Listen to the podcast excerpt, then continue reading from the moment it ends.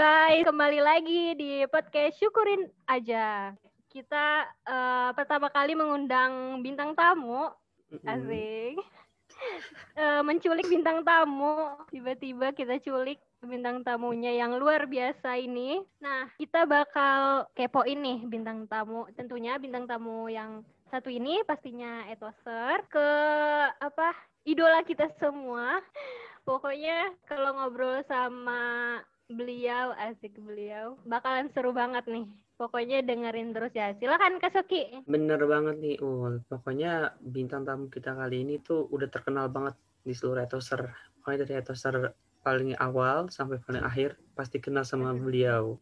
Siapa nih? Pada penasaran nggak? Kalau pada penasaran, kita hitung hitungan ketiga kepada bintang tamu kita. Kita isi hitungan satu, dua, tiga. Bintang tamu kita silakan. Assalamualaikum guys. Ada yang kenal suara hmm. ini? Suara siapa? Pastinya dong. Iya. Yeah. Udah khas banget gitu suaranya tuh. Siapa iya. dia? Bener banget. Yaitu siapa Kak Soki? Siapa nih? Coba dong kenalin diri. Oke, okay. uh, eh, kalau pasti semua masih ingat dong kalau yang cadel namanya siapa gitu. Oke langsung saja ya, nama saya Chandra Wijaya. Tuh cadelnya ketara banget ya cadelnya Chandra Wijaya. Padahal gimana ya, kadang susah juga kalau kenalan, soalnya kan nyebut nama itu ada E-nya, jadi paling kalau kenalan, kalau baru kenal paling nyebutin Jaya aja gitu. Jaya. Jangan panggil Chandra, soalnya Iya Jaya. Jadi kita manggil apa Agak nih? susah kalau Chandra itu malu. Jaya apa bebas, Chandra? Oke, Bang Jaya. Bang Jaya. Bang Jago. Jaya aja deh. Bang Jaya. Oke, teman-teman, podcast uh, Kak Chandra ini adalah Etoser Banten uh, 2000 berapa Kak? 15 ya? 2015. 2015. 2015. Nah, berarti sekarang beliau sudah lulus dan sekarang sedang mengenyam pendidikan di S2 UIN Syarif Hidayatullah Jakarta. Jurusan apa, Kak? Hukum keluarga. Law wow. family mantap banget. Asik. nah iya bener itu bagus uh, tuh oke okay, langsung kita masuk ke sesi podcast ya kak. Pertanyaan pertama asik. Jadi uh, di sini itu kita bakal cerita-cerita nih Kak Chan. Kita pengen tahu nih uh, perjuangannya Kak Chandra waktu sebelum etos uh, ada nah ya untuk Kak Chandra ceritanya Kak Chandra uh, waktu Kak Chandra itu kehidupan Kak Chandra waktu sebelum etos tuh gimana sih dari sisi prestasi ekonomi sama aktivitasnya Kak Chandra coba mungkin dari uh, prestasinya dulu mungkin sebelum etos berubah nggak sih kak waktu itu? Uh, langsung saja ya. Iya. Kalau prestasi karena ya, masuk etos pas kuliah semester 1 otomatis ini ya bicara di mm. pas aliyah gitu SMA. Nah SMA. kalau mm-hmm. ya SMA, kalau pas aliyah gimana ya ngomongnya? Pas aliyah kalau saya sendiri sih lebih suka ini lomba-lomba kayak gitu. Dulu termasuk orangnya egois sih. Dulu pas aliyah pokoknya apa pun lombanya harus saya yang jadi delegasi sekolah kayak gitu. Egoisnya kayak gitu apa pun lombanya pokoknya yang jadi delegasi itu ya saya nggak boleh yang lain. Nah uh, akhirnya ya berarti. mulai dari ya ambisius banget. Pas semester 1 atau pas kelas 1 aliyah itu mulailah ikut-ikut lomba mulai cari lomba pidato uh, hafal kitab kemudian pokoknya banyak pramuka karya tulis. Yang lebih banyak sih pramuka. Dan alhamdulillah itu udah selalu dapat juara kayak gitu. Wih, emang selalu dapat juara walaupun swasta. Bareng. Hmm? Walaupun swasta bareng, tapi kan? iya.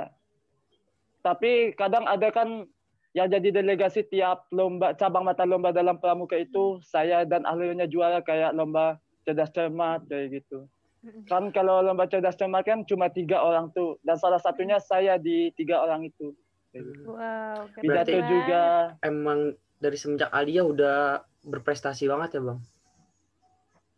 Kalau prestasi banget sih enggak. Cuma dulu pas Alia nargetin mm -mm. supaya bisa dapat piala 15 piala itu individu kayak gitu. Individu 15 oh. piala pas aliyah disumbangkan buat sekolah. Oh. Dan alhamdulillah itu tercapai sih alhamdulillah. Wow. Kalau nggak salah 16 sampai 17 piala lah gitu. Uh, keren banget. Berarti melebihi targetnya ya? Targetnya 15, dapatnya ya. 16 17 lah gitu. Ya, alhamdulillah bonus dua dua piala itu bonus iya. gitu. Ber berarti termasuk orang yang famous dong, terkenal di aliyahnya gitu. Karena sering berprestasi kan biasanya terkenal tuh dipanggil ke depan Chandra Wijaya pas upacara ataupun uh, apa gitu, Bang. Ya, ya segitulah. Tapi kalau terkenal banget sih enggak gitu. Terkenal banget sih enggak. Soalnya kita juga sedikit sih masih soalnya saya angkatan kelima di aliyah gitu. Jadi baru hmm. mau mengembangkan sekolah. Tapi hmm. dulu sebenarnya niatnya bukan ngenalin diri sendiri, tapi mau ngenalin sekolah ke madrasah yang lain gitu, sekolah-sekolah yang lain supaya mereka tahu loh ada madrasah yang kayak gini, walaupun swasta tapi kualitasnya sama kayak negeri kayak gitu. Hmm. Keren keren keren. Mantap ya, lah. Ih keren banget sama. Terus uh, apa ya? Maksudnya dari SMA tuh Kak tuh kayak udah udah terplanning gitu loh oh pokoknya gue hmm. harus targetin dapat piala gitu terus hmm. uh, apa udah udah ambis banget gitu pokoknya harus harus apa harus lomba pokoknya harus memenangkan lomba dan itu terjadi saat SMA gitu yang lagi di mana anak-anak ABG SMA tuh pasti maunya main gitu kan mau main terus uh, foya-foya gak jelas gitu. Nah sedangkan Kacana tuh udah fokus ke apa ya target-targetnya gitu masya Allah. Nah terus kalau uh, keluarga kak Chandra sendiri mendukung nggak sih kak? Kayak uh, kan lomba-lomba itu kan butuh uang gitu kan pasti. Hmm. terus dari segi ekonomi kak Chandra gimana keluarga? Kalau keluarga sih dukung-dukung aja gitu dukung-dukung aja soalnya kan kalau di sini lombanya nggak terlalu menghabiskan banyak uang gitu paling cuma tiga puluhan, empat puluhan gitu. Dan itu alhamdulillah nggak masalah sih. Gitu. Di samping hmm. pihak sekolah juga menanggung. Oh, hmm. jadi pihak sekolah uh, itu paling... mensupport ya tadi bang? Iya, mensupport banget. Kalau paling tinggi lomba apa kak? Maksudnya yang paling yang keinget eh, yang keinget sama kak Chandra waktu SMA? Waktu SMA apa ya? Ini kayak kayaknya sih lomba pramuka deh, pramuka waktu itu kita dapat baru pertama kali ikut tapi dapat juara umum kedua se NTB. Wow. Wow. Se NTB. banget ya. Dan saingan saingannya itu nggak cuma di Pulau Lombok aja gitu, tapi Sumbawa dan sebagainya. Pokoknya se NTB dah gitu. Berarti baru awal-awal langsung bisa jadi juara dua seprovinsi itu bikin nama yeah. sekolah jadi terkenal juga ya bang? Iya. Iya terkenal banget dan ya kan? itu adalah istilahnya tuh jadi tonggaknya banget, pondasinya hmm. banget. Jadi ke sininya kita itu makin semangat buat ikut lomba. Pokoknya hmm. makin giat lah latihannya kayaknya. Iya benar. Mm-hmm. Terus Kak Chandra BTW berapa hmm. bersaudara sih? Tiga. Anak oh, pertama oh, tiga. dari Kirain tiga saudara. Oh, adik-adiknya kelas sekarang? Uh, kalau kalau yang kedua anak kedua ya sekarang lagi kuliah di UIN Mataram juga masih semester satu. Hmm. Kalau yang anak ketiga oh, yang paling benar. kecil tuh kelas 5 MI SD lah. Itu perempuan semua bang? Iya. Oh, perempuan semua. Perempuan semua. Oh ngajarnya cowok sendiri. iya jadi. Bang. Terus kalau apa ayah sama bundanya Kak Chandra masih sehat? Alhamdulillah masih sehat semua nih. Alhamdulillah ya. Semua oh, udah masih sehat. Dulu dulu kalau boleh tahu Bang, aktivitasnya Salamnya, Kak. Hmm. Nah, dulu kalau boleh tahu Bang, aktivitasnya Gimana? sebelum eh setelah sekolah hmm. tuh ngapain ya Bang? Kan misalnya sekolah nih dari pagi sampai sore ya. Hmm. Dari sore. Nah, setelah nah. sore itu biasa ngapain tuh Bang? Oh. Biasanya kalau dulu iya, ya kalau gimana siang sih? Kan banyak lomba. Hmm. uh, kalau ya, kan siang banyak lomba itu kan kacan kalau siang paling ikut pernah ikut bimbel juga. Pernah ikut bimbel kalau siang tuh. Nah hmm. yang sorenya itu fokus buat ekskul.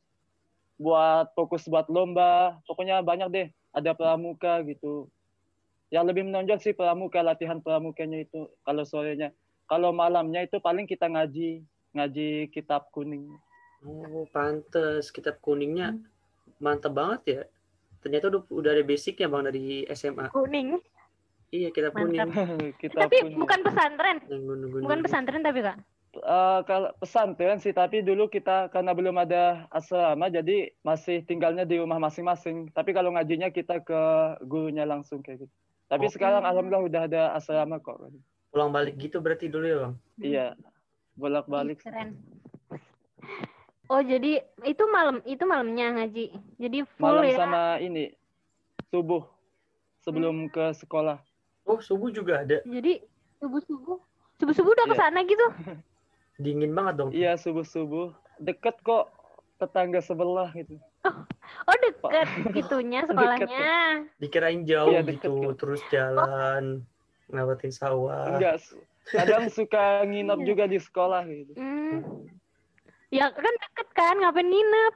Ya apa ya, soalnya kalau banyak teman itu semangatnya jadi ini deh pokoknya tambah semangat deh. Kalau oh. ada teman. Iya bener bener bener. Iya ya, ya seharusnya Iya ya, kalau sekarang mah udah ada asrama ya berarti ya kak? Iya, udah ada. Hmm. Oke deh, lanjut ke Seki. Oh iya, nah Bang Chan, tadi kan udah bicara tentang sebelum hmm. ini ya, before masuk et etos gitu. Nah, setelah etos. atau iya, atau pas udah dapat etos gimana sih? Uh, ada ada perubahan nggak dari prestasi, dari ekonomi, dari aktivitas gitu? Karena kan tadi Bang Chandra udah emang dari awal ini udah berprestasi gitu ya maksud tergolong siswa berprestasi lah gitu nah setelah dapat etos masuk ke dunia perkuliahan tuh gimana sih ada yang berubah nggak kalau tentang perubahan sih insya Allah banyak banget tuh di etos uh, lebih-lebih lagi sama teman-teman yang lain juga teman-temannya itu kan karena lingkungan di ini ya masyarakat bilang kalau di Jakarta itu waduh udah bahaya banget tapi kalau hmm. pas ke etos itu saya rasa aman-aman banget itu bahkan mendukung banget semua kegiatan. Nah hmm. kalau tentang prestasi prestasi sih uh, sebenarnya pas semester 1 sama 2 itu sempat nggak mau berprestasi gitu nggak mau prestasi mungkin karena apa ya wah saya ini kok ke Jakarta itu udah nggak ada apa-apanya gitu dibandingkan yang lain soalnya hmm. kan berbagai ini berbagai wilayah pemudanya datang ke Jakarta gitu jadi saya itu merasa minder lah gitu. Iya, semester hmm, satu sama dua. Gitu ya? Iya, iya. insecure. Ta tapi pas hmm. semester tiga itu, waktu itu ada pembina kita tuh Kak Helmi tuh.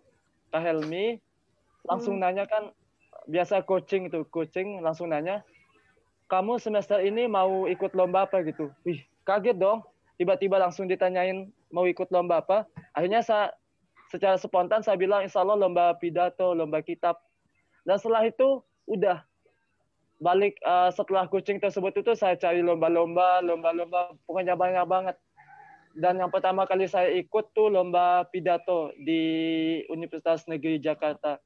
Dan alhamdulillah dapat juara satu tuh. Nah mulai dari situ semangat untuk berprestasi mulai bangkit lagi gitu. Mulai bangkit hmm. lagi akhirnya ikut lomba-lomba yang lain. Dan mau nggak mau harus membagi waktu buat kuliah, organisasi sama prestasi gitu.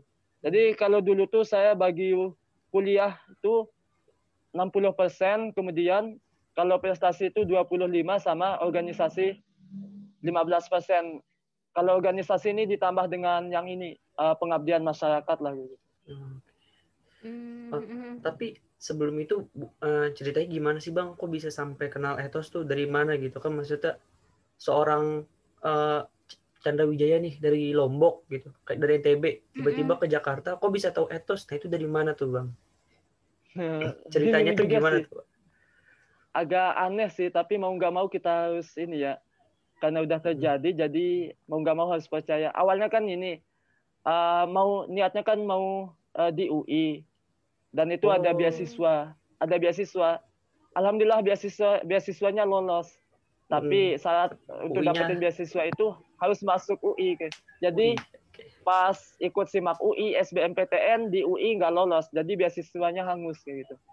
Nah hmm. akhirnya waktu itu saya nanya sama ibu, pokoknya ada ibu warteg gitu di depan kampus UIN, kampus 2 UIN tuh.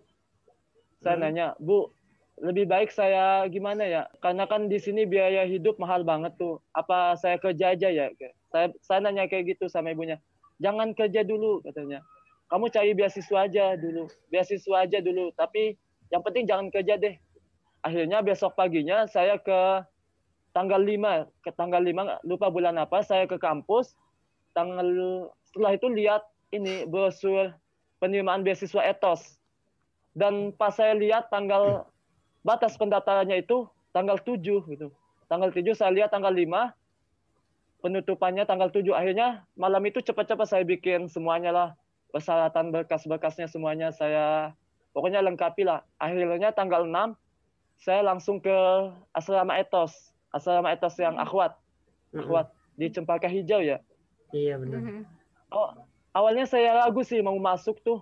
Eh, ini beneran beasiswa atau enggak sih? Soalnya kan biasanya sependek pengetahuan saya itu biasanya gedung-gedung kayak gitu. Iya benar benar benar. Ini kok rumah ya gitu. Rumah perumahan. Ini kok rumah benar.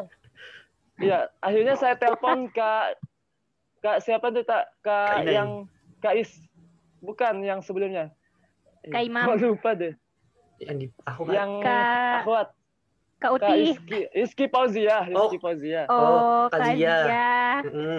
Iya, Kak Zia.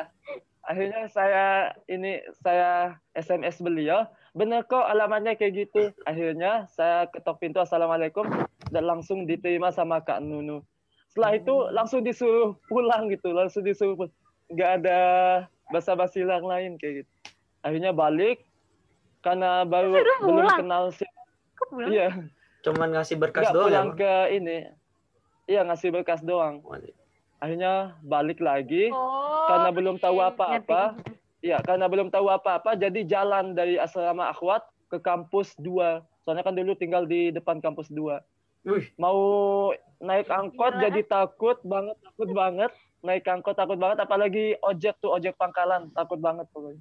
Ya udah jalan aja kayak gitu. Nah, pengumumannya itu takut pas kenapa deh? Takut kenapa deh? Takut kenapa tuh bang? Uh, takut soalnya kalau di benak saya itu kalau Jakarta wis pokoknya banyak kriminal deh gitu. Hmm. Pokoknya jangan asal percaya kayak gitu. Iya iya, iya paham paham. Ya, Oke. Okay. Oh gitu. Iya iya iya. Kirain takut apa gitu diculik gitu ya? Iya takut itu juga sih. Takut dimutilasi okay, kayak gitu. Nah, akhirnya pas iya pas ini ya pas wawancara itu kan dikasih tahu tuh berapa yang akan dicari tuh kalau dulu tuh pendaftaran yang daftar itu kurang lebih 600 orang tuh 600 orang kemudian yang diterima itu 140 sampai 150 lah untuk lolos ke babak wawancara dan pada saat itu ah, bentar kak itu Sebentar kak, apa? itu posisinya kakak lagi ngekos apa gimana? Terus uang pas di situ ya. kan belum ada beasiswa, itu dari orang tua hmm. apa kerja apa gimana? Masih orang tua sih, hmm. masih orang tua dulu tuh. Makanya banyak banget pengeluarannya dulu, soalnya kan sampai bingung tuh mau kerja atau enggak kayak gitu. Akhirnya ada beasiswa. Makanya itu, itu apa ya? Pokoknya mau nggak mau harus dapat beasiswa lah kayak gitu. Oh. setidaknya kalau nggak dapat beasiswa ya pahit-pahitnya kerja kayak gitu. itu tinggalnya sendiri bang waktu di kosan gitu sama base camp ini imsak ikatan mahasiswa sasak oh di secret gitu berarti ya iya oh. lanjut bang setelah tadi okay, beberapa lanjut. ratus orang diseleksi jadi berapa orang untuk interview hmm. selanjutnya gimana tuh bang ya takut juga sih. Soalnya kan saingannya banyak banget. Yang diambil cuma 10 gitu. Tapi apa ya yang penting kamu itu udah usaha gitu. Masalah hasilnya bukan urusan kamu lagi kayak gitu. Yang penting kamu usaha. Saya bangga kok lihat kamu yang sudah berusaha. Saya nggak mikirin lulus atau enggaknya gitu. Akhirnya ya udah dengan percaya diri. Pokoknya pas interview itu yang saya lakukan pastikan di kamu bahwa kamu itu layak untuk dapat beasiswa kayak gitu. Hmm. Akhirnya ya udah. Siapa tuh bang yang menginterview? Bang Mahir, Bang Mahir, Bang Mahir. Oh, Bang Mahir. Okay. Nama lengkap beliau siapa sih? Lupa mulu deh. Bang Mahir. Nail Habib bukan? Mahir Habib. Oh, Mahir Nail, Habib. Nail Habib. Habib. Hmm. Nah, alhamdulillah langsung ke lolosnya aja ya. Mm-mm, langsung keluar. Langsung pengumuman, pengumuman ya, gimana langsung, ekspresinya, ya, rasanya. Pas, pas pengumuman tuh kan waktu di SMS di kan, di SMS kan? Iya di SMS. Di SMS. Iya, Kata, gimana tuh? Katanya kan hari Jumat. Dari pagi kita hmm. nunggu, hmm. kok nggak ada yang SMS ya? Setelah itu masih pokoknya itu lagi kuliah dan nggak fokus buat kuliahnya karena nungguin SMS itu gitu. Pas Jumatan juga nggak ada yang ini. Pas Jumatan juga cek dicek juga di bawah HP-nya tapi nggak ada SMS sama sekali tapi setelah Jumatan baru di SMS Alhamdulillah senang banget hmm. ngasih tahu ke orang tua Alhamdulillah pokoknya bahagia banget. In, apa ya setidaknya gini ya walaupun kita tidak bisa mengganti keseluruhannya tapi berusaha untuk mengganti setetes keingat orang tua dengan air mata ke kebahagiaan. Hmm, mantap banget ya benar-benar. Jadi jadi meringankan gitu ya bang ya, ya meringankan. Ikut meringankan beban orang tua gitu dengan adanya ini. Nah bang uh, setelah masuk gini kan awal-awal saya belum tahu nih ya kan. Kan hmm. baru bang Chandra duluan tuh yang masuk. Saya dengar-dengar katanya bang Chandra awal-awal masuk pendiam banget nih. Di pojokan terus nih baca kita bener nggak tuh? Gosip-gosip yang beredar begitu. Kalau pendiam sih apa ya menyesuaikan aja sih gitu. Maksudnya kalau baru kenal ya udah kamu nggak terlalu akrab banget. Tapi kalau udah akrab baru udah deh. Uh, apa yang ada di saya itu ya nggak pantas untuk disembunyikan kalau sudah akrab oh.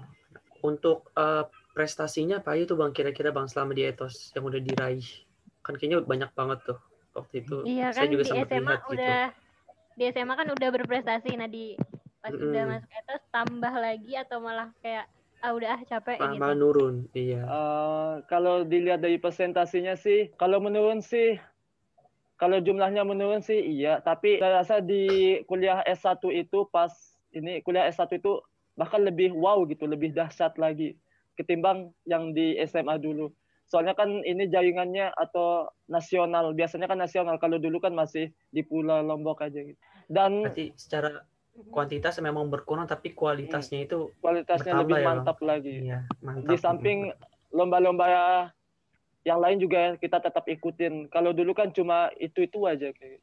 -hmm. Terus pas oh, di iya, asrama gimana bang? Kan asrama tuh. Nah, hmm. kan kalian pernah seasrama nih gimana kak? Uh, sensasinya pas di asrama Gimana? Kesan-pesannya pas di asrama gimana? Uh, sebelum kesan-pesannya, dulu kan bingung mau asrama etos atau mau mondok kayak gitu. Mau di oh, emang boleh nggak asrama? Maksudnya mau keluar dari etos, terus mondok oh, gitu. Oh, alah. Tapi setelah bah. ini bingung juga itu sempat satu semester bingung, tapi alhamdulillah hasilnya kayak gini. Walaupun kamu bukan nggak tinggal di pondok, tapi setidaknya ilmu yang kamu dapatkan itu sebanding dengan di pondok kayak gitu. Sebanding dengan orang yang mondok. Jadi mau nggak mau di asrama etos harus belajarnya harus lebih giat lagi kayak gitu. Walaupun kamu nggak mondok tapi ilmu yang kamu kayak... dapatkan harus apa? Iya, apa harus apa? harus lebih itu ya, mantep ya, gitu. lebih mantep. Nah, lagi. ada nggak sih Kak kayak cerita cerita apa ya? yang paling Kak Chandra inget kan sekarang Kak Chandra udah lulus ya berarti udah nggak asrama hmm. lagi. Yang paling Kak Chandra kangenin waktu asrama? Waktu asrama sih paling ini deh. Uh, waktu S breaking itu loh. Ya Allah. Jadi kita kan udah S breaking tiap udah subuh gede bang. tuh, udah gede. S breaking tiap subuh. Kita kan udah gede.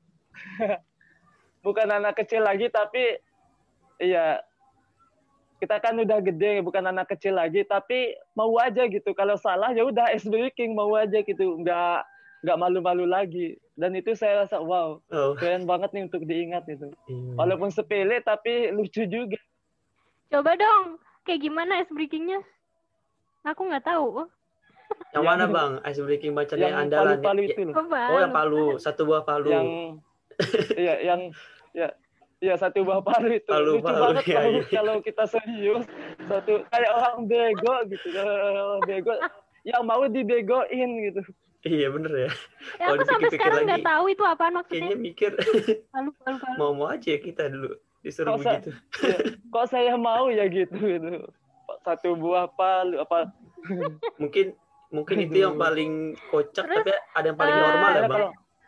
ada yang paling normal ice breakingnya. Tahu nggak ya. siapa? Apa tuh? Ice breakingnya cawasil satu dua tiga. Ya yang satu dua ice breaking cuma tangan doang. Satu dua sepuluh itu ice breaking paling normal kan oh telunjuk telunjuk hmm. telunjuk olahraga gitu. iya olahraga, olahraga ya? ini doang satu dua ya, sepuluh terus ini hmm. aduh kacau itu ya itu apanya yang sehat coba nggak tahu katanya biar nggak ngantuk kan ya. terus kita mau mau aja ya, ya. kita mau mau aja ya sepele ya tapi bagus tahu mm -mm. Bagus tahu apa ya walaupun sepele tapi kita itu semangat buat pembinaan kayak gitu nggak mm. ngantuk pokoknya buat pembinaan besok itu kita nanti nanti deh gitu soalnya penasaran kira-kira besok S bakingnya kayak mana gitu Kak, ada nggak sih ada nggak sih yang Kak Chandra sebelin etoser di asrama waktu itu sama pokoknya yang Ih, nyebelin banget sih ini kalau ada di asrama gitu. Bener bang. Ada gak? Kalau nyebelin sih enggak gitu. Enggak. Soalnya apa ya? Enggak terlalu peduli sama ini deh orang lain. Kalau maksudnya gini ya, kalau kamu baik, insya Allah yang lain juga baik ke kamu. Jadi hmm. berusaha nyambung-nyambung aja. Mungkin kalau oh, berarti pernah kesal, ya kalau pernah kesal sama orang mungkin kamunya yang nggak baik kayak gitu. Iya iya, iya benar-benar. Tapi kalau uh, ada gak etoser ya cowok ya berarti seasrama. Ada nggak hmm. yang Kak Chandra tuh senang banget kalau dia tuh ada di asrama gitu. Misalkan atau bantuin Kak Chandra lah atau dia sifatnya beginilah gitu. Ada gak? Sebutin aja. Uh, sebenarnya masing-masing semua punya ini ya, punya keunggulan masing-masing. Jadi senang mm-hmm. senang sama dia itu kalau lagi kayak gini senang sama dia kalau kayak gini mm-hmm. misalnya kalau sama Rizky kalau lagi istirahat bercanda kayak gitu seneng gitu tapi kalau sama Ihsan lagi pokoknya tentang masalah hidup senang banget ngomongin tentang masalah hidup ke depannya saya pengen kayak gini jadi udah kayak adik kakaan lah gitu kalau sama Kak Soki kalau Soki tuh pokoknya saya ini ya, maksudnya semua masuk ke angkatan siapa aja gitu. Bener-bener. Kalau Soki dia itu enaknya sama paling kalau sama Al juga. Jadi kita udah kayak ngebully ngebully Soki gitu. Jadi maaf ya Soki. Oh, jadi santai, santai. Soki. Iya, pokoknya jadi sasaran mulu. jadi so, so, ya. Pokoknya enak banget deh kalau dia selama tuh. Ya Di samping saling satu sama lain saling semangatin buat belajar kayak gitu.